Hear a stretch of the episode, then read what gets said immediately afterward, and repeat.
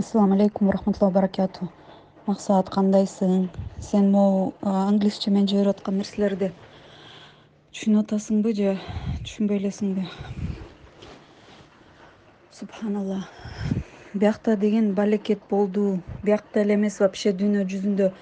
Булар деген жанаг five g деген эме новый технологияны таратып атабыз демиш болуп бүт жерге ошонун передатчиктерин чоң вышкаларын орнотуп атышат да эми ошол вышкалар деген ушундай э, эмени э, баягы высокий частотадагы эмени электромагнитный волны радиация бөлүп чыгарат экен да жанагы микроволновка барго микроволновка бөлүп чыгарган например кырк мегагерц болсо эки жарым мегагерцпи эмне ошондой экен да. А бул эмелер э, пять джнын вышкалары кырк мегагерц экен биякта уже чымчыктар өлүп көчөлөрдө валяться этип атат ужечи а могу коронавирус деген жөн эле сказка экен негизи. Вирус эмес эле булар деген ошо именно уханьда первый эмени э, жанагы тест баягы как проверочный эме кылып көрүшүптүр да уханьгачы бүт ошо пять джны эме кылып жанаг хуавей деген фирма э, эме кылып атат да ошонучу анан койдуруп койдургандан кийин эле внезапно жанагындай өлө башташпадыбы элдер жолдо кулап кулап деп атса эч ким ишенбей атпадыбы беле.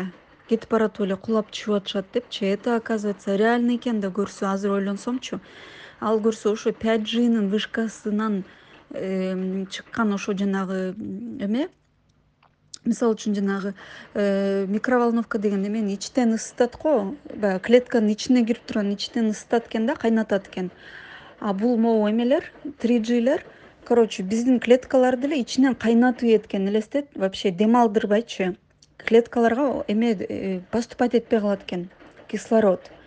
Ошон үчүн элдин баары жанагындай одышка менен ошон үчүн элдин баары жанагындай кыйналып түшүп атат да. Анан чынын айтканда могу жерде ушундай бир бале болуп атат что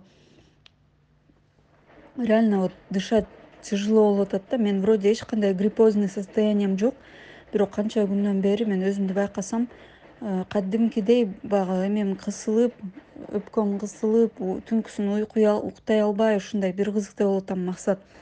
Короче биздин кыргыздар болсо кыргызстандыктар россияда дагы аз билет турцияда элдер уже көтөрүлө баштады. Бияктагылар көтөрүлүп атат эме э, корея кытайда бүт ошо вышкалардын баарын жыгып элдер билгенден кийин түшүнгөндөн кийинчи эмнеде кебе эмнеде экенин бүт жыгып э, күйгүзүп ошентип атышат. Бияктагылар дагы кээ бирөө ошентип атышыптыр. Башка шаарлардачы күйгүзүп ошондой вышкаларды түшүрүп ошондой кылып атышыптыр да анан. Биздин кыргыздар болсо вообще эчтеке билбей мемиреп азыр.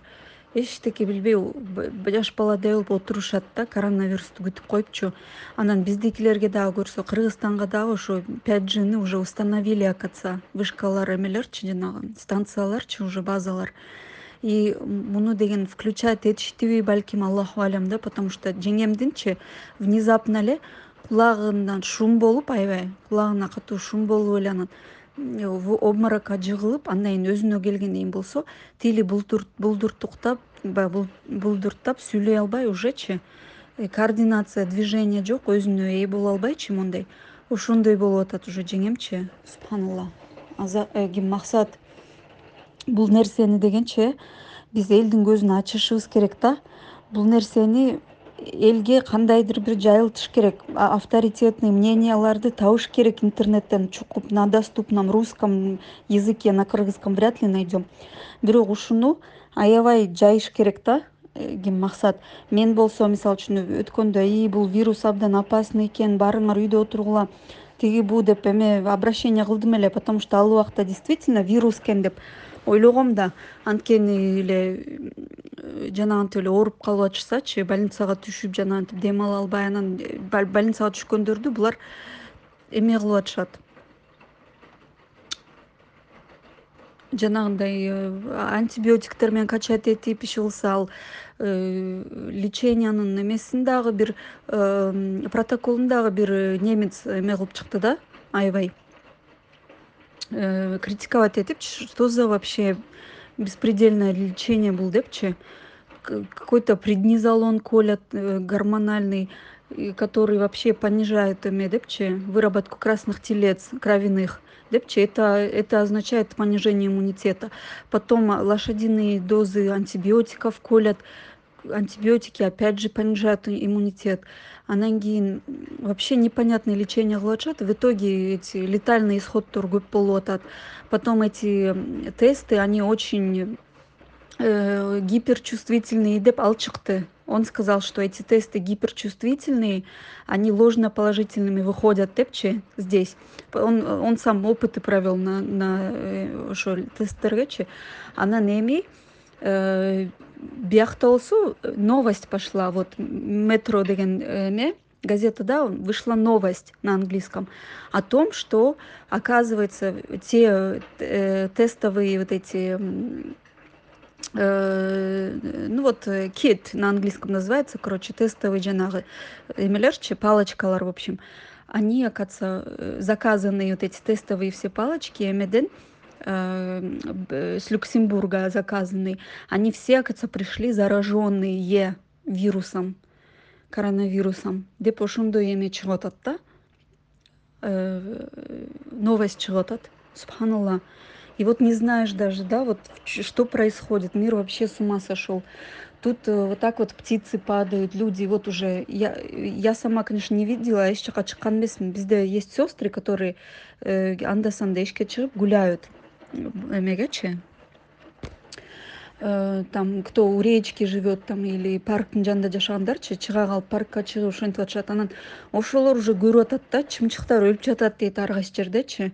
Это неспроста. А потом булар деген это просто какой то бул вот явный эле бир заговор болуп атат да максат это против насчы э, против человечества. Это реально вот жанагы эмен заговор теории заговора тиги бу деп элдер ишенбейт.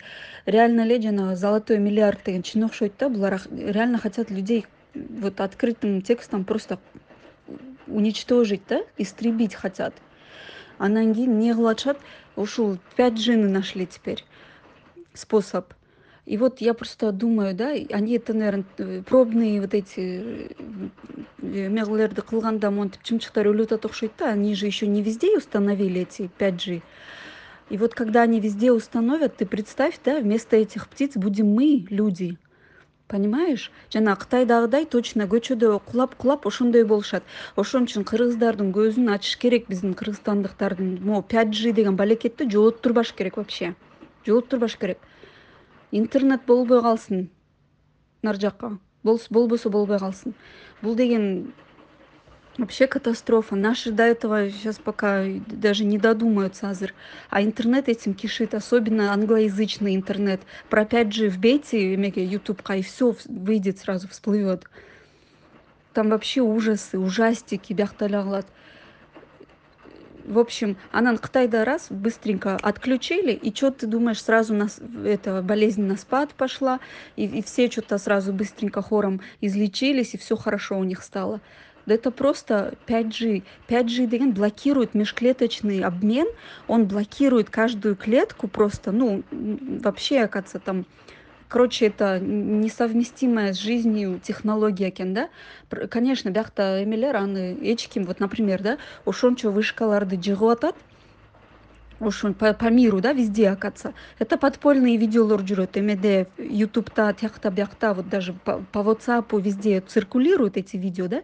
То в корее где то валят эти вышки в китае тут вот даже в манчестере э, я, на фейсбуке видела как раз вот э, группалар бар да ошо против 5g дегенчи ошолор сидят и вот они обсуждают эти там с фото со всеми доказательствами. И вот и то и что ты думаешь? Здесь кырк беш тиги эми фигурально выражаюсь фигуративно да? Эме бар. Э, токсон тогуз канал бар новостной. Бирөөнөн да мен ошону көргөн жокмун напримерчи мы же следим за новостями что вот э, что где то какие то сумасшедшие валят все наши пять g башни. Нет ни одного слова. Про это молчат а только нагнетают всех вот пугают да. Эме страх прям наводят на всех про это про коронавирус. Вот коронавирус все сидите дома сидите дома. Ну хорошо сидим. А что на улице происходит?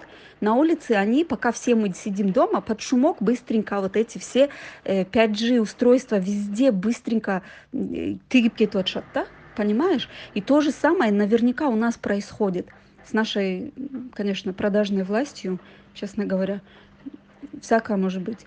Ошон үчүнчү максат муну деген акырындап жайылтыш керек элдерге жеткириш керек мунучу мен просто жүрөгүм ооруп атат и вообще